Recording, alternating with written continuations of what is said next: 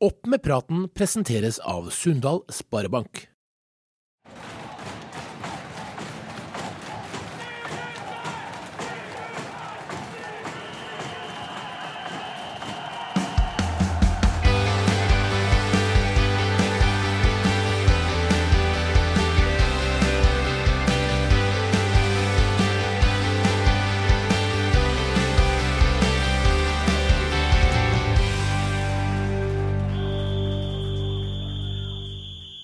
Hei og velkommen til Opp med praten, avisa Driva sin breddefotballpodkast.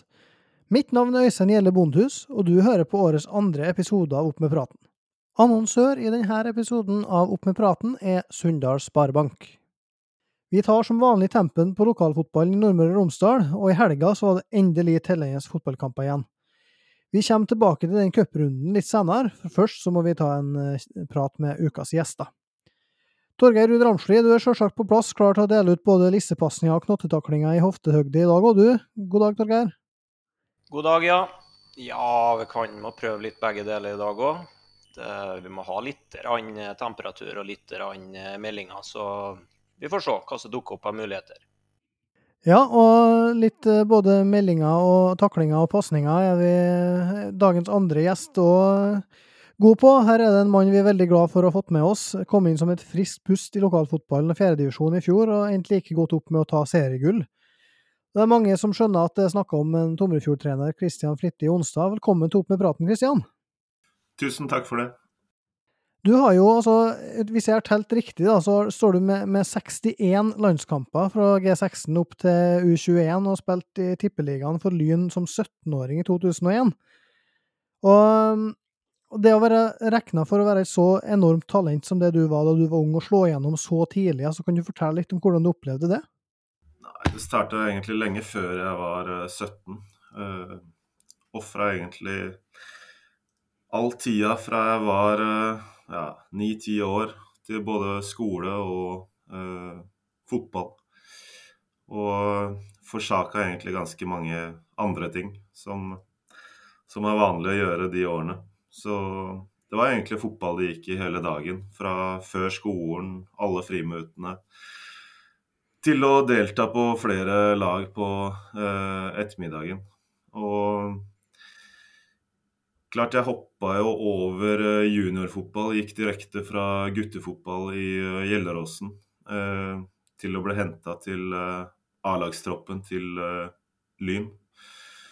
Og det var et stort sprang, det var det. Eh, men eh, jeg angrer ikke på at jeg gjorde det den dag i dag. Eh, jeg har vært med på, på mange artige ting opp gjennom åra. Og det å bli tatt ut på Ja, det var først kretslag og videre regionslag, og så U16-landslag. Det var stort på den tida. Det var det. Mm, og hva var det som gjorde at du, du ble så god, da? For det er jo ikke vanlig for en, eh, en spiller å gå rett fra guttelaget til Gjelleråsen og til Tippeligaen? Akkurat hvorfor vet jeg ikke, men jeg, altså jeg forsaka mye annet og eh, hadde vel et talent da, som, eh, som gjorde at jeg, jeg, hadde den muligheten til å hoppe over juniorfotball.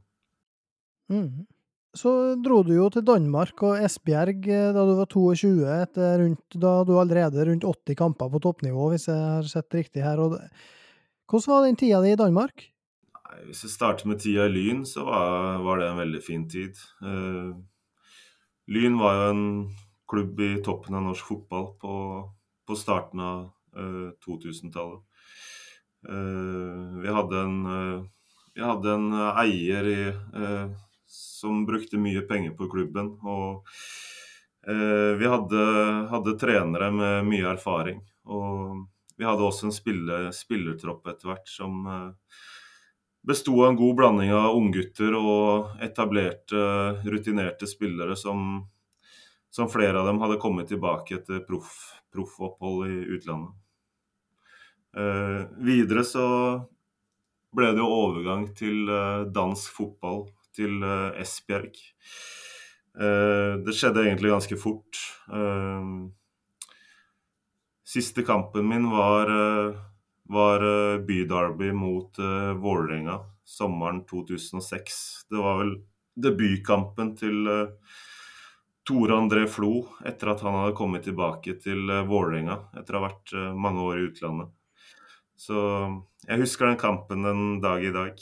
Uh, jeg ble tre sesonger i, i dansk fotball og hadde veldig, veldig bra der nede på mange måter.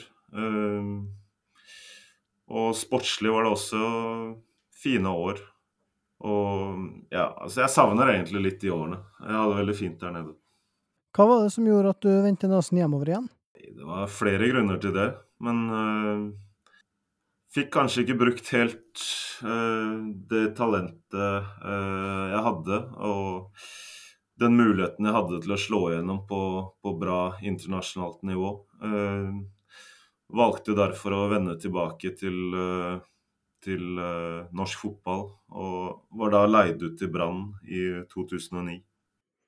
Mm. Og så gikk uh, turen til Stabæk etterpå, eller? Ja, i 2010 så skrev jeg under kontrakt med Stabæk.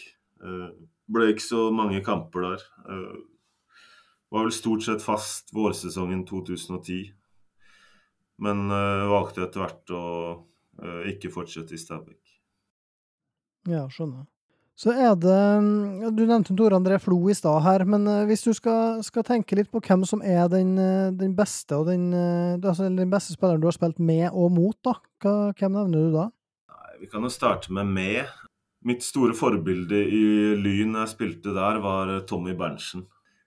Han, han var en stor lederskikkelse i spilletroppen i Lyn, og spilte i samme posisjon som meg. Eh, midtstopper. Og var en eh, person tvers igjennom som, som lærte meg eh, mye, de, i hvert fall de første årene som jeg spilte seniorfotball. Og ja, bare væremåten til tilstedeværelsen, øh, kvaliteten hans på fotballbanen, øh, hvordan han leda en hel spillergruppe, øh, det, var, det, var, ting som jeg lærte mye av. Mm. Så har jeg selvfølgelig etter det spilt med mange gode fotballspillere. Eh, både i Brann og Stabæk. Eh, Pontus Farnerud i Stabæk 2010 var også en eh, klassespiller på mange måter. Mm. mm. Imot, da? Nei, snakker du om internasjonal fotball da, eller snakker du om norsk fotball? Da snakker jeg om helt fritt valg. Så jeg har spilt mot uh, både Cristiano Ronaldo, Kaka og Iniesta. Så det blir liksom mye bedre spillere enn det i verden. Men, eh, men, men, det begynner å bli en del år siden. Ja, det tror jeg må være ny rekord i Opp med praten, Torgeir, med beste motspiller. Det, det er ikke sammen Vebjørn Holten som nevnte en Ivar Pedersen på Dale. Det blir ikke helt det samme som, som Cristiano Ronaldo og Iniesta, og de gutta der. Nei, vi har nok eh, kneppa det opp noen hakk her da i sesong to. Det er tydelig, tydelig det. Så jeg, jeg ville bare nevne på, som en liten sånn kuriositet at eh, jeg har faktisk spilt fotball mot Kristian, jeg òg. Eh, det, er ikke, det er ikke sikkert han husker, men, men jeg husker kampen. Eh, ikke pga. han, men noe som jeg skal komme tilbake til. For jeg, jeg hadde en liten mistanke, så jeg, jeg var litt inne og googla i går. og sjekka den kampen fra 2005, da Lyn slo Molde 6-1 på Ullevål. Ehm, ja. Og Da så jeg at Kristian spilte hele kampen for Lyn, mens jeg kom inn siste 20 da, for, for, Molde på 3-1 til Lyn. Og da huska jeg det at jeg spilte den Jon Obi Mikkel siste 30 minutter.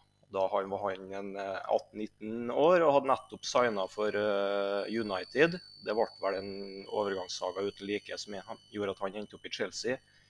Men da huska jeg i alle fall, apropos gode spillere, at jeg hang som et slips etter han i en halvtime. Eh, og dro på med et gult kort i 90. minutt. Så, og på det laget var veldig mye gode spillere. Jan Derek Sørensen og litt sånn forskjellig. Så apropos gode spillere så, som har spilt uh, på Lyn og i lag med Kristian, så husker jeg i alle fall Jon Obi Mikkel som noe helt spesielt. Hvordan husker du han, Kristian? Nei, jeg husker Janobi godt. Han var vel i Lyn ja, ett og et halvt år cirka. Eh, han var jo klassespiller eh, fra første dag. Han var, eh, han var på et nivå langt over alt annet, egentlig, som var, var i Lyn. Men han, han, skulle egentlig ikke være der. Det må ha skjedd en feil et eller annet sted. Men det, det, endte jo med å bli en overgangssaga mellom Chelsea, United og, og også Lyn.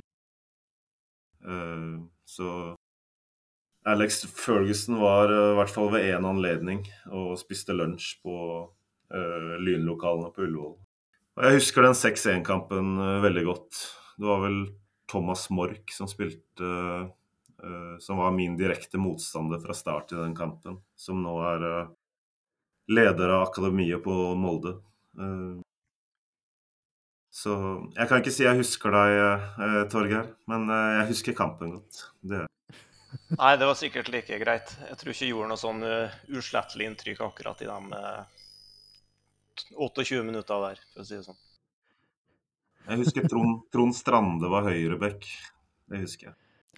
Ja, det, det var ganske sikkerstikk på Molde de 15 eh, åra rundt, rundt, der. Trond Strande en, eh, var vel halvparten så stor, da. Men uh, det er Tenkte jeg skulle høre med deg, Kristian. Uh, for å dreie det litt mer over på breddefotball igjen, og at uh, Stemmer det ikke at du var innom Hasleløren i Oslo på slutten, når du spilte, spilte noen kamper der? Jeg vet ikke om du husker Jonny Hansen? Han var Ja, fra Tromsø og Lyn. Han har vel et par landskamper, var i Tromsø og spilte sammen med han ja, to eller tre år i Lyn. Så han var eh, hovedtrener i Hasle Løren. Og jeg ble henta inn til å eh, være med litt som spillende hjelpetrener. Ja. Hvordan er breddefotballen i Oslo sammenligna med den breddefotballen du har møtt i Nordmøre og Romsdal her? I, sånn sportslig så er det kanskje ikke så stor forskjell, men når det kommer til spillelogistikk, så er det litt annerledes. Uh, jeg bruker mye av tida mi i Tomrefjord på uh, spillelogistikk. Uh, samme problemet hadde jeg helt sikkert ikke hatt i Oslo, hvor det er tilgang på mange spillere. Ja, ja for det er det, Du kjenner jo til det, Torgeir, godt eh, som trener i, i lokalfotballen her. altså hva hvordan er den, takler den utfordringa som trener, når du må bruke veldig masse av tida di på å rett og slett sikre at du har spillere tilgjengelig? Nei, det tror jeg du må være forberedt på når du, når du tar på, for å si det sånn. Um, så blir det, det blir en slitasje over tid uansett, samme hvor godt forberedt du er og, på situasjonen. For du, du, vil så gjerne ha alle til stede. og Uansett om du er trener på et uh, såpass uh, middels lavt nivå da, som, som, vi snakker om her, så, så, ønsker du jo å gjøre det beste med laget, og du ønsker framgang og du ønsker kanskje å kjempe om med plasseringer eller opprykk og gode resultater. sånn, sånn at Du har kanskje større ambisjoner som trener da, du, enn det spillerne har. Så går ikke det her helt i hop. Og så må du jobbe veldig med, med spillelogistikken. og det er klart, når du snakker om spillelogistikk høyt oppe i divisjonene, så er jo det kjøp og salg. Men spillelogistikken eh, her er sikkert uh, få folk til å bli med og få dem til å komme på trening. og og prioritere foran familien i helgen og alt det der som, som vi kjenner, og bursdager til bestemor og gudene vet alt du må gjennom. Så, så, det, så, det, er slitsomt, men du må bare være klar over at sånn er det. Og hvis du skal slippe det som en del av trenergjerninga di, så må du komme deg høyere opp. Det, sånn er det dessverre. Høres det rett ut, Kristian? Ja, jeg kjenner meg igjen i beskrivelsen til Torgeir. Jeg skjønner at fjerdedivisjon er et nivå hvor, hvor, spillere av og til velger å ikke prioritere eh, fotball. Og det er sånn man må akseptere. Likevel, når man, når man er trener her, så, så, er det jo som Torgeir sier, man ønsker å ha best mulig lag tilgjengelig eh, på hver eneste trening og, i hver eneste kamp. Og jeg ser på meg selv som en vinnerskalle. Og jeg ønsker å møte best mulig forberedt til uh, hver eneste trening og hver eneste kamp. Og derfor er jeg også villig til å bruke den tida jeg bruker uh, når det kommer til spillelogistikk. Ja, og så tror jeg det da, at hvis du, er, hvis du gjør det som Kristian sier nå, det, det har jeg erfart sjøl, at hvis du kommer inn i en spillergruppe som er halv, halvseriøs og sånn, men hvis du er villig til å være godt forberedt, møte opp en time før, uh, ha på plass kjegler, øvelsene er, er, er, er, i orden, og, og, og, det er presentert, og det opplegget er skikkelig, og ballene er pumpa, og, og vestene er vaska, og, og, du får guttene til å føle at de er med på noe som er, uh, det, som det er litt standard rundt. da. Selv om det ikke er et profesjonelt nivå, så, så går det an å være profesjonell på enkelte ting. Sånn at hvis du, hvis du, bruker lang tid på det der, så får du jo sakte, men sikkert omvendt eh, flere og flere da, til å bli litt sånn seriøs. Og det, det opplevde jeg litt med Sunndalen eh, når jeg kom inn der de første åra. At, at, du må bruke ja, et år eller to, og kanskje til og med tre, på en måte, å få folk til å prioritere fotballen. Altså, det året vi rykka opp, og, og det året i tredjedivisjon, så hadde jeg ingen problem med oppmøte på trening, og at det var rare grunner til å være bort fra trening og sånn. Eh, da var det litt sånn harde regler eh, i lokalfotballen på, på oppmøte. Og skulka de trening, så var de ikke i troppen på kamp, og vi hadde klare alkoholregler og sånn.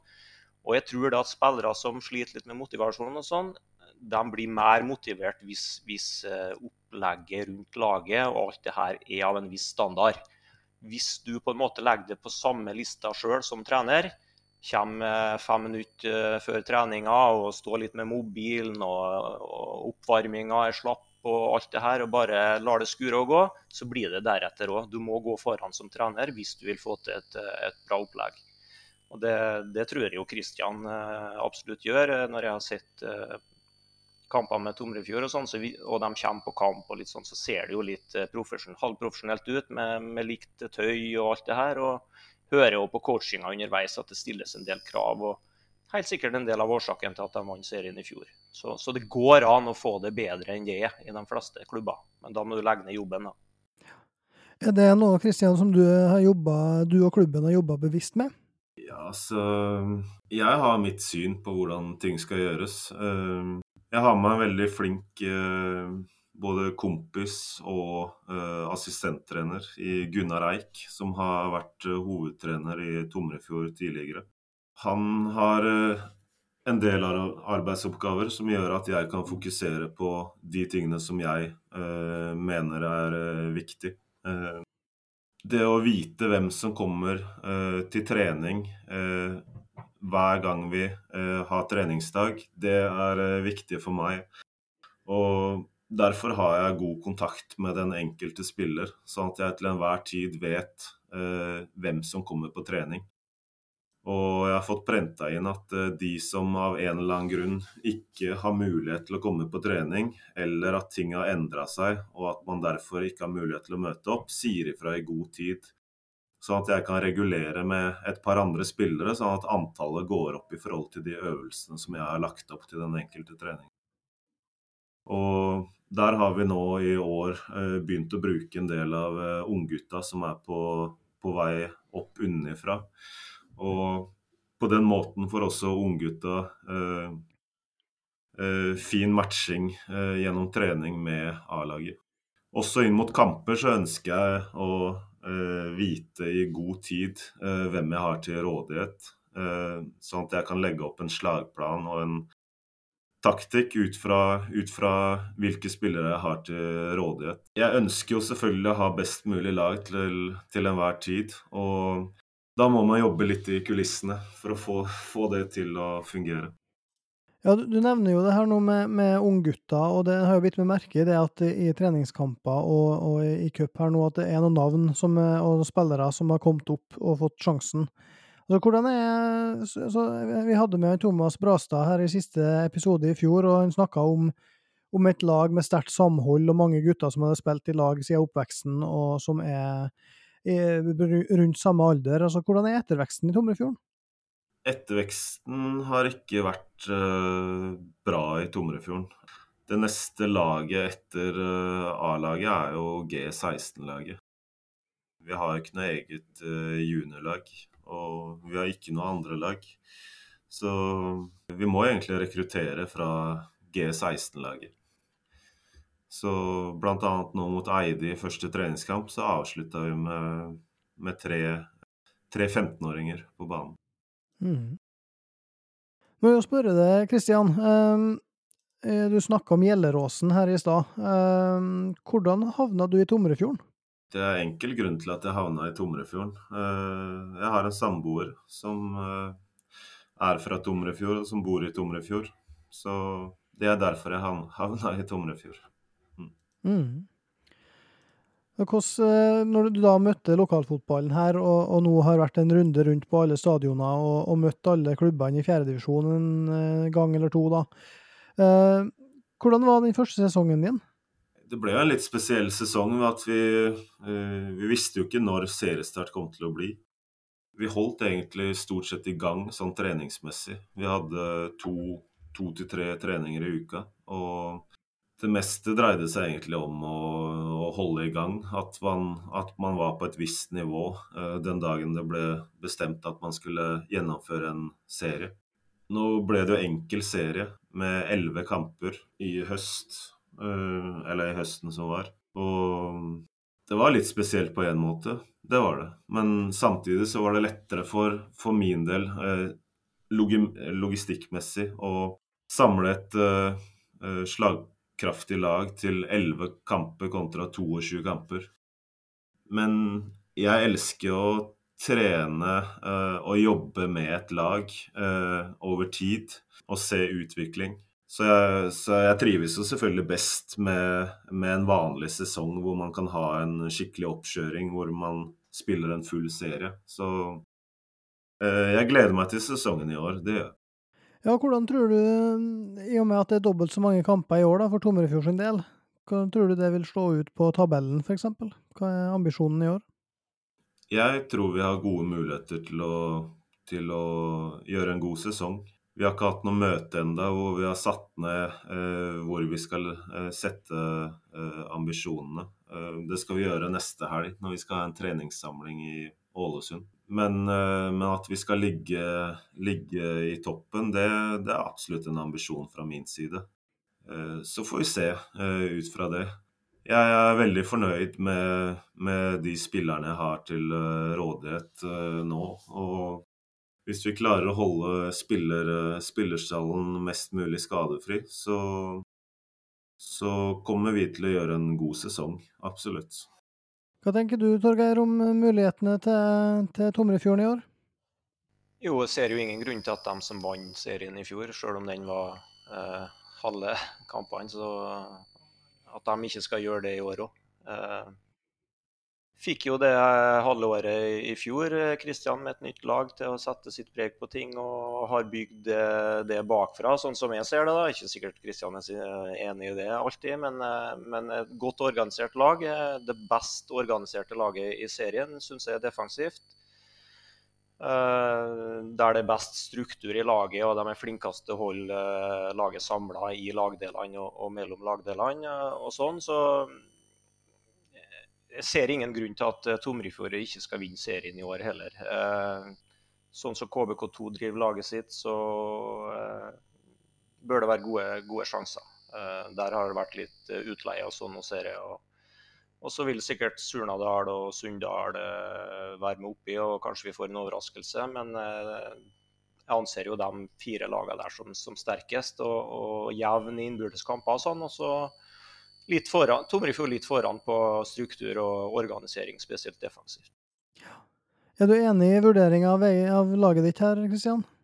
Ja. Øh, jeg, jeg, har sendt noen SMS-er med Torgeir, og jeg, jeg, er enig i det han sier. Altså, vi bygger mye av øh, spillet vårt på å ha god struktur, spesielt defensivt. Men vi ønsker også å være strukturerte og samla når, når, vi angriper. Så, så ja, han har, han har, rett i det han sier. Klart, eh, Klarer man å ha et godt eh, defensivt fundament, så er det også muligheter for å slippe enkeltspillere mer, mer fri offensivt. Og jeg syns vi, syns vi, har fått inn et par spillere nå foran kommende sesong som jeg tror kan krydre det litt ekstra. Hvem tenker du på da? Nei, altså vi har henta tre spillere før den uh, sesongen her. Uh, Edvin da Silva Sæter fra Åndalsnes. Uh, og Cedric og Eirik fra Vestnes. De to siste har ikke vært med så mye nå i siste pga. Skole og de tingene der. Men Edvin har absolutt gitt et godt inntrykk fram til nå. Han kommer til å bli en god forsterkning for oss. Det kommer også de to andre til å bli. Nå litt reklame. Sunndal Sparebank gir deg bedre råd, og med gode rådgivere akkurat for deg kan du realisere dine ønsker. Sunndal Sparebank finner du på Sunndalsøra, i Molde, Kristiansund, Ålesund og snart i Surnadal. Sunndal Sparebank, vi realiserer dine drømmer. I helga så var det Første kvalifiseringsrunde til NM, og der var det fire kamper med lokale lag. Eh, det var Tomrefjord Herd, det var Åndalsnes Surnadal, Eido, omegn Sunndal, Malmefjorden Dale. Og Hvis vi begynner da med Tomrefjord Herd, som er ditt lag, Kristian, eh, så var det jo satt opp mot eh, en, et av de beste lagene fra, fra Sunnmøre. Så sånn sett en, den kampen som ifølge tabellen skulle holde det høyeste nivået. Hva var det endte jo med 2-1 til Herd. Hvordan eh, oppsummerer du den kampen? For det første så vil jeg si at jeg skjønner ikke helt oppsettet. At uh, beste laget på Nordmøre skal spille mot beste laget på Sunnmøre hvis du tar bort Hødd 2. Det, det, skjønner jeg ikke helt. Men, uh, men, hvis du ser bort fra det, så var det en jevn, uh, sjansefattig kamp. det var vel nesten ikke målsjanser i kampen. De skårer på to dødballer. Et frispark som skifte retning i muren og en corner. Utenom det så har du vel én eller ja, to sjanser i spill. Så klart det er kjedelig å tape jevne, tette kamper, men uh, ja, det kunne bikka begge veier. Herd kommer til å være et bunnsolid lag i den avdelingen sin, så at det bikka dems vei den gangen her, det får vi bare akseptere. Mm.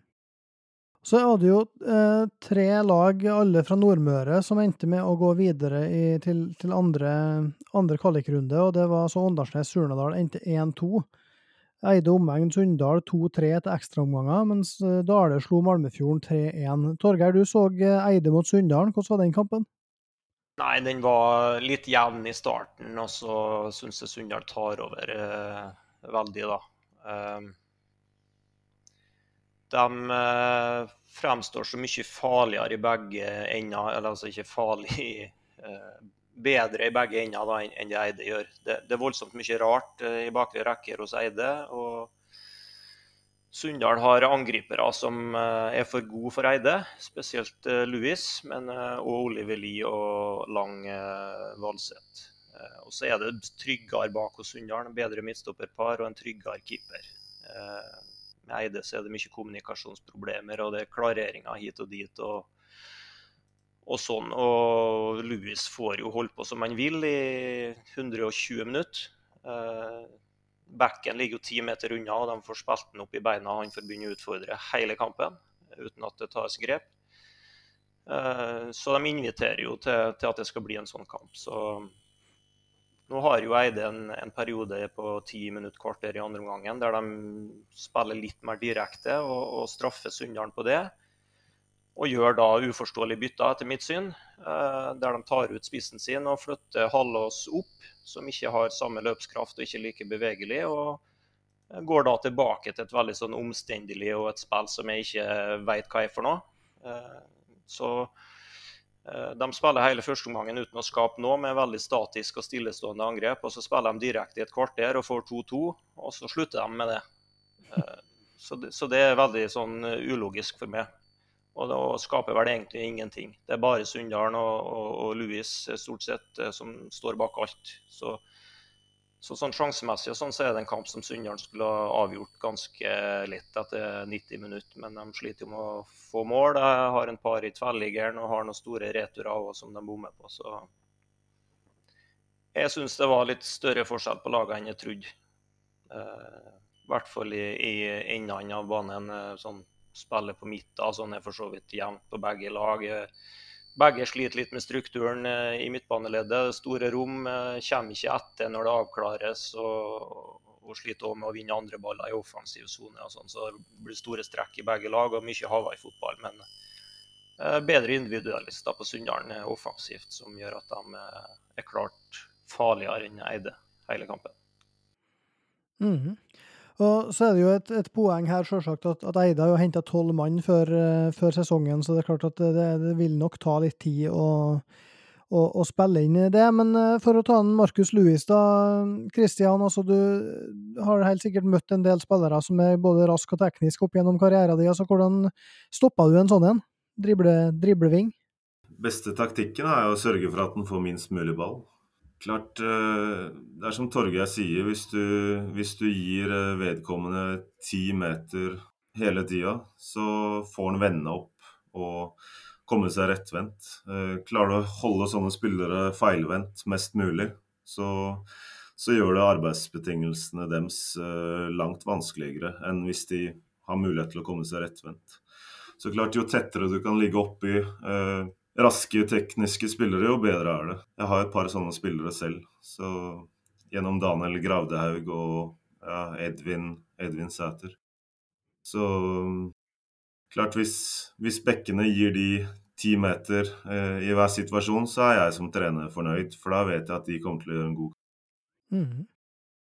Så var det på Åndalsnes, eh, i en av tre kamper som Driva og Åndalsnes Avis og Romsdals Budstikke streama, så var um, Åndalsnes eh, som kom best ut der. Jeg så den kampen, og der eh, var det Surnadal som tok ledelsen med Tore Næss.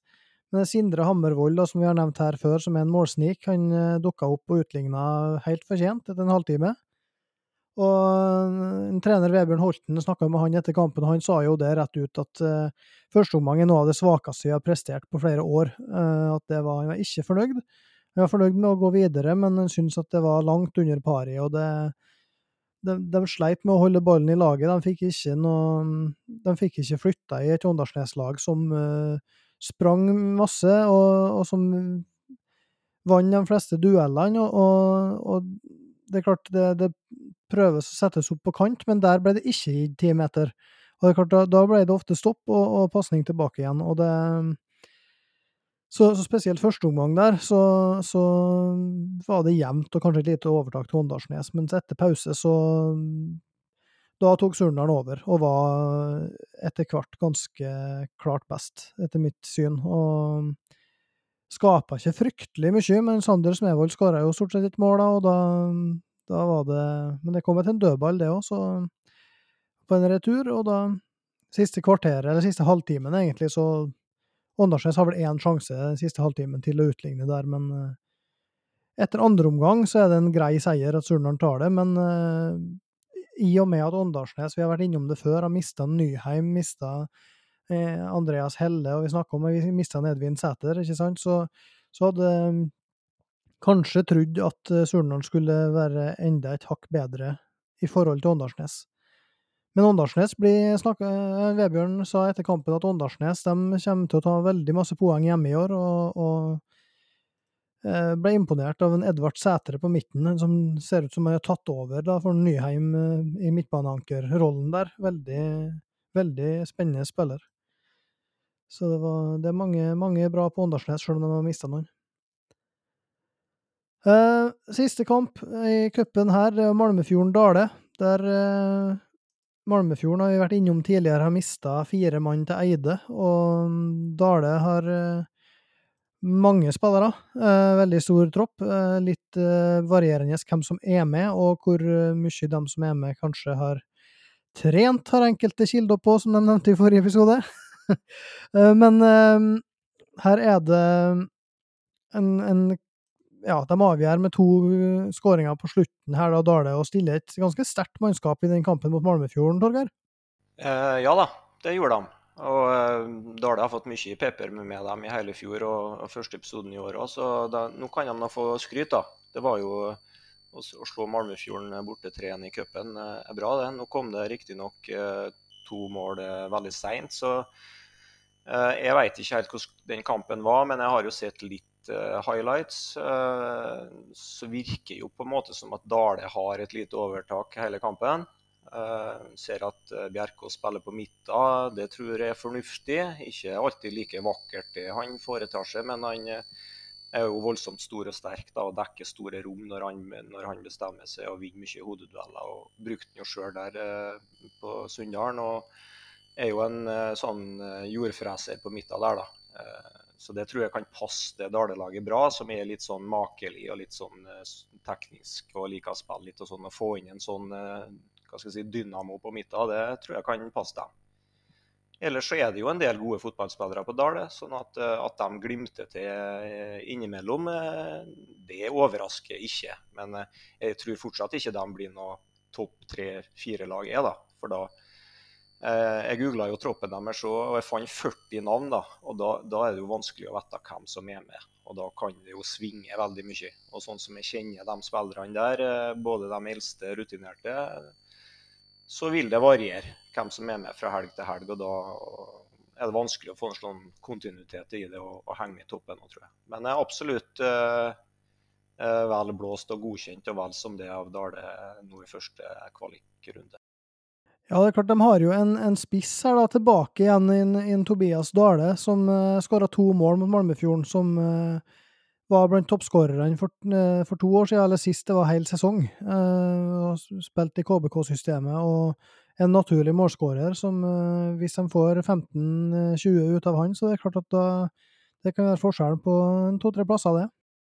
Ja, det er selvsagt viktig å ha en goalgetter for alle lag. En spiller som jeg personlig ikke kjenner så godt. og Det, det er mange spillere nå som kommer inn i lokalfotballen fra det her KBK2-systemet, både i Surndalen og Dale og, og andre lag. og med litt for, uh, forskjellige kvaliteter. Men det er jo en grunn til at de har vært innom uh, et uh, topplag i Norge, da, for vi si som, som KBK er. Så at de har noe talent og kvaliteter, de fleste av dem, det har de. Så Spennende å se hvem som vil sette preg på lokalfotballen både i år og, og fremover. Mm. Så kommer jo andre kvalifiseringsrundeoppsettet tirsdag, og der er det jo da satt opp Sunndal-Surndalen. At de to ble satt opp mot hverandre var kanskje ikke noen stor bombe, Torgeir? Nei, det var nå dessverre ikke det. da, og Det er noe artig med, med lokaloppgjør, men det begynner å bli litt, litt sånn forslitt. da. Det, det, er veldig ofte, for å si det sånn. Det jo, de kunne jo vært litt mer spenstige, da. Men eh, OK. Det blir nå sikkert artig for, eh, for, oss som skal på kamp allikevel. Jeg tenker nå det. da. Ja, Hvordan vurderer du de to lagene, Kristian, etter å ha møtt dem i seriespill? Uh, vi møtte begge de lagene på bortebane i fjor. Og det var to jevne oppgjør. Vi spilte vel kanskje vår beste bortekamp i fjor mot uh, Surnadal. Hvor jeg egentlig var fornøyd med stort sett det meste vi gjorde i den kampen. Kampen mot Sunndal ble litt annerledes pga. Uh, forholdene. Uh, vi spilte på en uh, gressbane som var Ja, det var veldig mye vann på banen, og det var forhold som man normalt ikke spiller på. Så det ble en litt annen type kamp, hvor, eh, hvor det kanskje ble litt mer tilfeldigheter og fysisk spill enn det, det, det ellers hadde vært. Men jeg ser på de to lagene som relativt uh, jevne. Uh, jeg syns Surnadal virka som et bra kollektiv. Hadde en, et tydelig spillemønster. Uh, Sunndal har kanskje bedre enkeltspillere i noen pos posisjoner. Jeg har ikke sett så mye på hva de har eh, mista eller forsterka seg med foran sesongen nå i år. Men det er absolutt to lag som kommer til å ligge oppe i toppen. Og det kommer helt sikkert til å bli en jevn kamp for å komme inn i første ordinære runde i NM. Mm. Og for å avslutte cupen her, så har Dale fått Bergsøy fra fjerdedivisjon på Sunnmøre. Hva tror du om den kampen? Jeg så faktisk uh, Bergsøy mot uh, Hødd 2 Nei, ikke mot Jo, mot Hødd 2 og mot uh, Herd i de to siste kampene av 2021-sesongen. Som forberedelse inn mot kvaliken. Og Bergsøy på hjemmebane virka som et solid lag. Nå vet jeg ikke helt Dere nevnte at Dale hadde hatt mange spillere innom før den sesongen her. Så akkurat hva de stiller med, det vet jeg ikke. Men det blir sikkert en tøff kamp, det.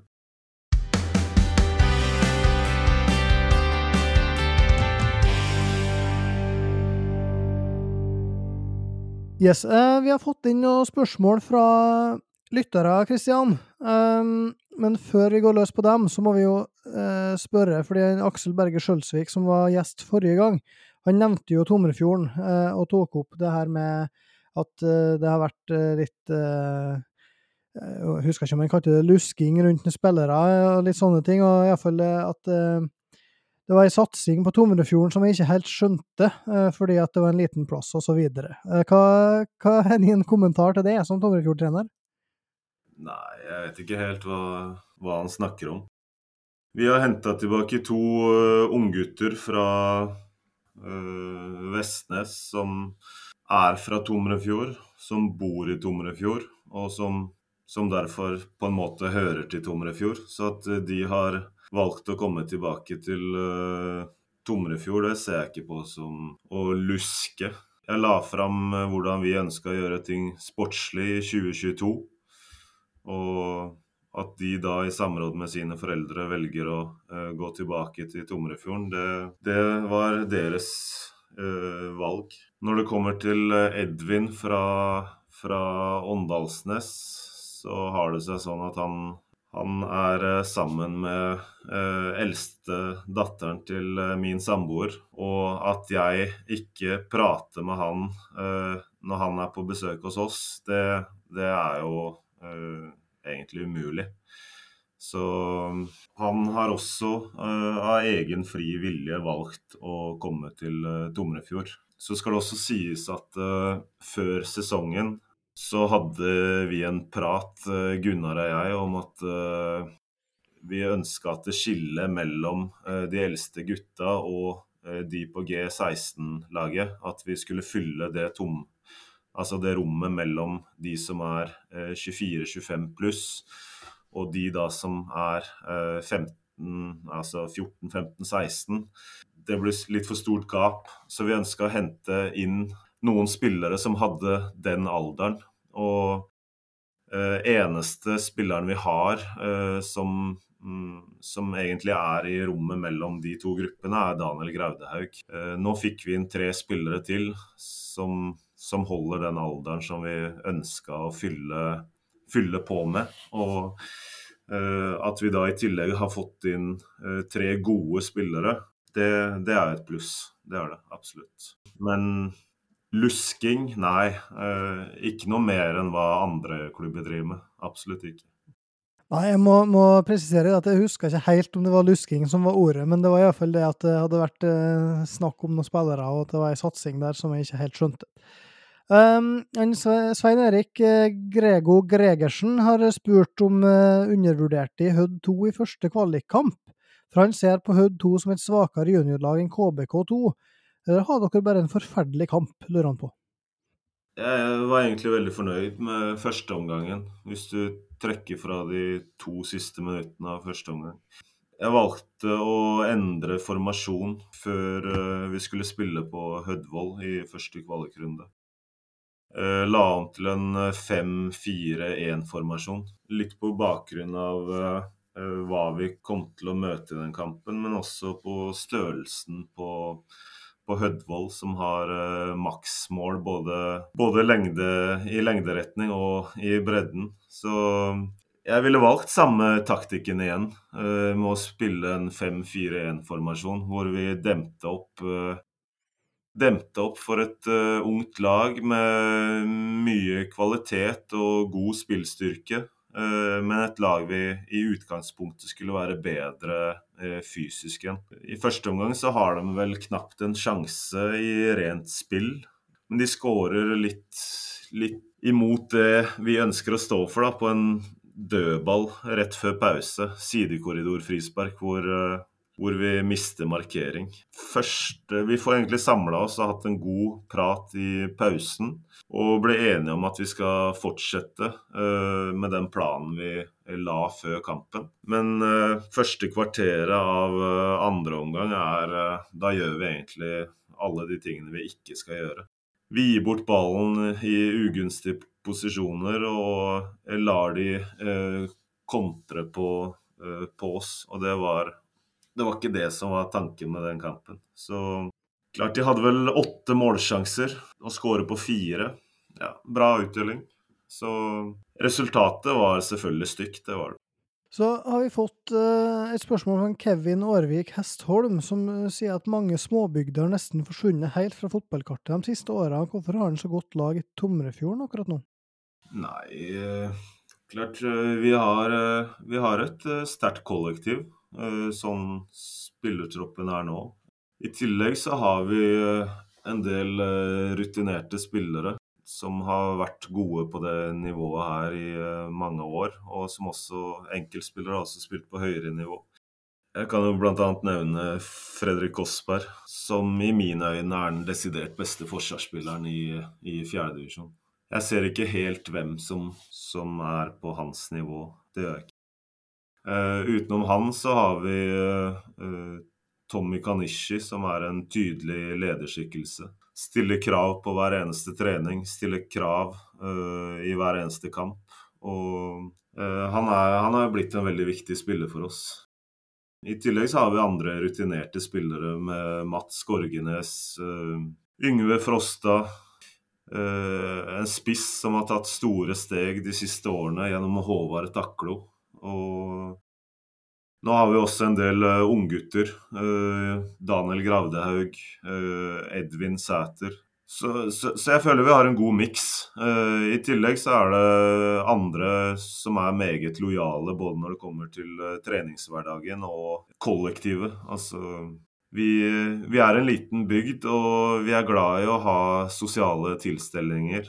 Om det er etter kamper eller om det er til andre tider. Så så ønsker vi å skape et godt kollektiv. Og det føler jeg vi har fått til, og det skal vi bygge videre på. Men vi er ikke bedre enn at vi må, vi må fortsette å trene godt, og vi må være lojale til det vi står for. Og klarer vi det, så tror jeg vi får en artig sesong. Mhm. Hva tenker du, Torgeir, om det her med altså, den uh, biten som går på miljø for å skape et godt lag? Hvor viktig er det? Jo, det tror jeg er kjempeviktig. Og i tillegg til det som Kristian her har nevnt, så tror jeg det er utrolig viktig det som foregår utafor banen i, i Tomrefjord. De har jo en eh, glimrende gressbane som er, har vært sånn nå i, i, mange år. I hvert fall helt siden jeg begynte å spille eh, mot eh, Tomrefjord, både som spiller og, og, trener, så har den vært strøken hele tida. Eh, opplever òg at de har et, et, et sånn halvseriøst opplegg rundt laget Eh, som gjør at spillerne vil være med, og de vil være med over tid. Og at, og at det er gode, gode, krefter rundt laget, om det er dem som steker vafler, eller om det er oppmenn, eller hva det er. Men eh, i hvert fall min erfaring når det kommer til Tomrefjord, så er det litt miljø og det er litt ildsjeler og sånn rundt laget. Og det er en fast supportergjeng, om det er foreldre eller venninner eller hvem det er. Så, så det er det et godt miljø. Uh, og der har de nok gjort en mye bedre jobb enn mange andre små plasser, da, kan du si som, som, gjør at det blir et sånn samlingspunkt i, i, bygda, samlingsmiljø, som mange vil være med på. Så går det jo rimelig bra sportslig i tillegg, og det, det er jo alltid en fordel. Så eh, jeg tror ikke du skal under, undervurdere dem, dem utafor banen. Nei, det er egentlig en veldig fin ting å, å gå inn for landing med. Eh, fordi at eh, dem som gjør en jobb rundt kampene, som gjør en jobb som frivillige, de er utrolig viktige for at de som er på banen skal kunne prestere, og at eh, det blir lagt til rette. Det er En trenger, treng hver og en. Så Men før vi avslutter, så vil jeg si tusen takk til alle som følger med oss, både på Facebook og Twitter, og som hører på podkasten. Stor takk til Torgeir og Kristian, og lykke til med sesongen, Kristian. Vi skal prøve å forsvare tittelen fra i fjor. Jo, takk for det. Så husk at du finner Opp med praten både på Driva, Åndalsnes Avis og Romsdals Budstikke på nett, og takk for nå. Opp med praten presenteres av Sundal Sparebank.